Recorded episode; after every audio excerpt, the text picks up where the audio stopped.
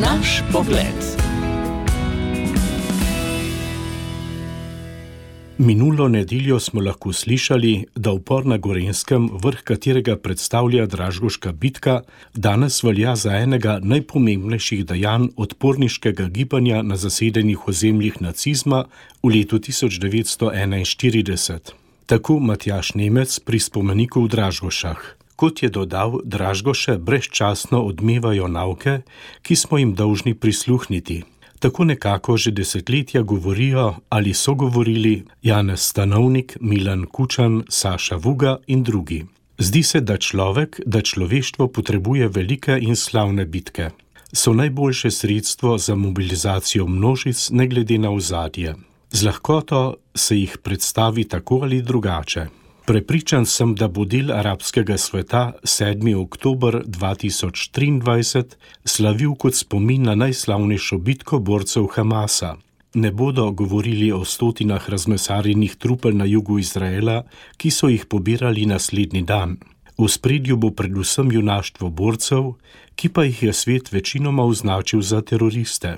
Posledice njihovega napada so grozljive. Borec Sankarjevega bataljona Ive Šubic, ki je vse to, kar se je dogajalo po zimi pred več kot 80 leti v Dražgošah in na širšem območju tega dela Gorenske, spremljal od blizu, je pozneje opozoril na večplastnost dogajanja. Bitko je ovekovečil z velikim mozaikom na spomeniku, pri katerem se je tudi letos odvijal politični miting. Kmalu zatem je narisal še sliko Dražgoška Pieta prikazuje mater z ubitim otrokom v naročju, v bolečini presunjenimi ženami v ozadju. Nahajajo se v prostoru z debelimi zidovi in majhno lino, skozi katero je videti stražo, pa tudi snob svetlobe. Slika je svoje vrsten otis velike tragedije domačinov. Kar 41 jih je bilo pobitih kot talcev, preživeli predvsem otroci in žene pa so morali v internacijo. Vas crkvija ured je bila požgana in porušena. Pobiti še vedno nimajo dostojnega spomenika. Na plošči, ki je bila temu namenjena, ni njihovih imen. Uporabili so jih za podkrepitev mita nesmrtnih Dražgoš. Nemec je v Dražgošah spomnil na povojno Evropo, utemeljeno na vrednotah antifašizma in antinacizma. Po njegovih besedah se moramo za te vrednote skupaj boriti tudi danes in se odločno zoprstaviti tistim, ki si prizadevajo svet znova povleči na pot zla. Verjetno se vsi strinjamo, da sta bila fašizem in nacizem totalitarna režima, ki sta povzročila veliko smrti, veliko trpljenja in gorja.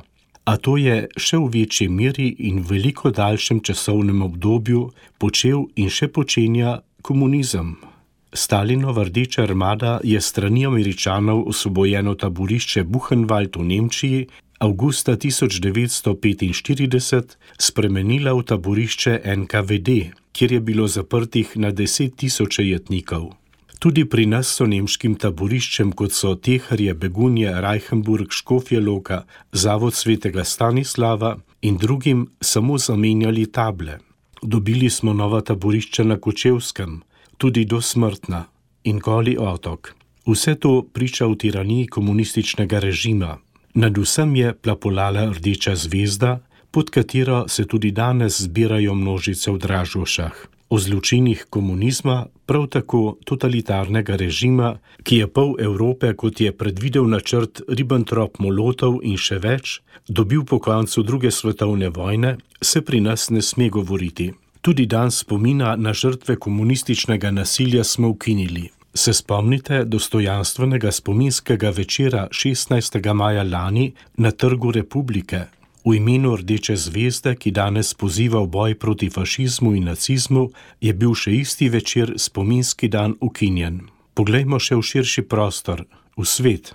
V senci denacifikacije se naprimer odvija ruska specialna operacija v Ukrajini. Se spomnite, s kakim ponosom je marca lani Putin ali morda njegov dvojnik obiskal porušeni Mariupol?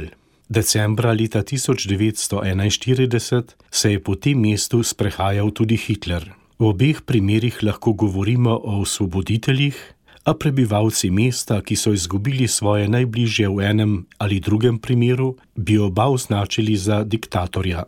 Slovenija danes, vsaj nekateri tako pravijo, s polnimi pljuči diha svobodo. Bila je izborjena v Dražošah in še marsikje. Na javni tribuni v Kinu Šiška decembra 2021 je sedanji predsednik vlade Robert Golob o takratni vladajoči politiki pri nas dejal: Čas je, da jih naženemo. To ni desničarska politika, to je fašizem. Le nekaj tednov pozneje smo v Dražgošah lahko slišali. Treba je povedati, kam lahko vodijo razgradnja ustavne ureditve, poskusi vladanja z odloki, izigravanje in izsiljevanje zakonov, posegi v načelo delitve oblasti, napadi na sodstvo in sodnike, na neodvisnost toživcev in policije, na nadzorne ustanove, na svobodo tiska. Te besede je Milan Kučan namenil prejšnji vladi, a bi jih lahko ponovil sedaj in to celo bolj upravičeno. Samo poglejmo golobove obljube sodnikom, njegov obisk pri ustavnih sodnikih, neizpolnjevanje ustavnih določb, čiščenje v policiji, v največji javni medijski hiši v državi. V službi čiščenja so tudi na hitro sprejeti zakoni, posledice pa razdajanje v zdravstvu, dobički v energetskih podjetjih, pokol drobnice in govedi, kaviar civilna družba in pa vse večja množica tistih, ki jedo leše iz golobove košarice. Na obletnici slavne bitke je Matjaš Nemec omenil tudi bližne evropske volitve, ko se bo znova odločala o tem, kakšno Evropo želimo.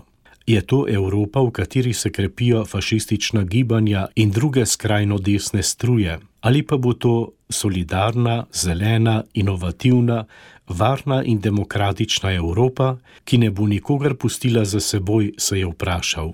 S tem je povedal, kakšen je bil glavni namen letošnjih dražgoš.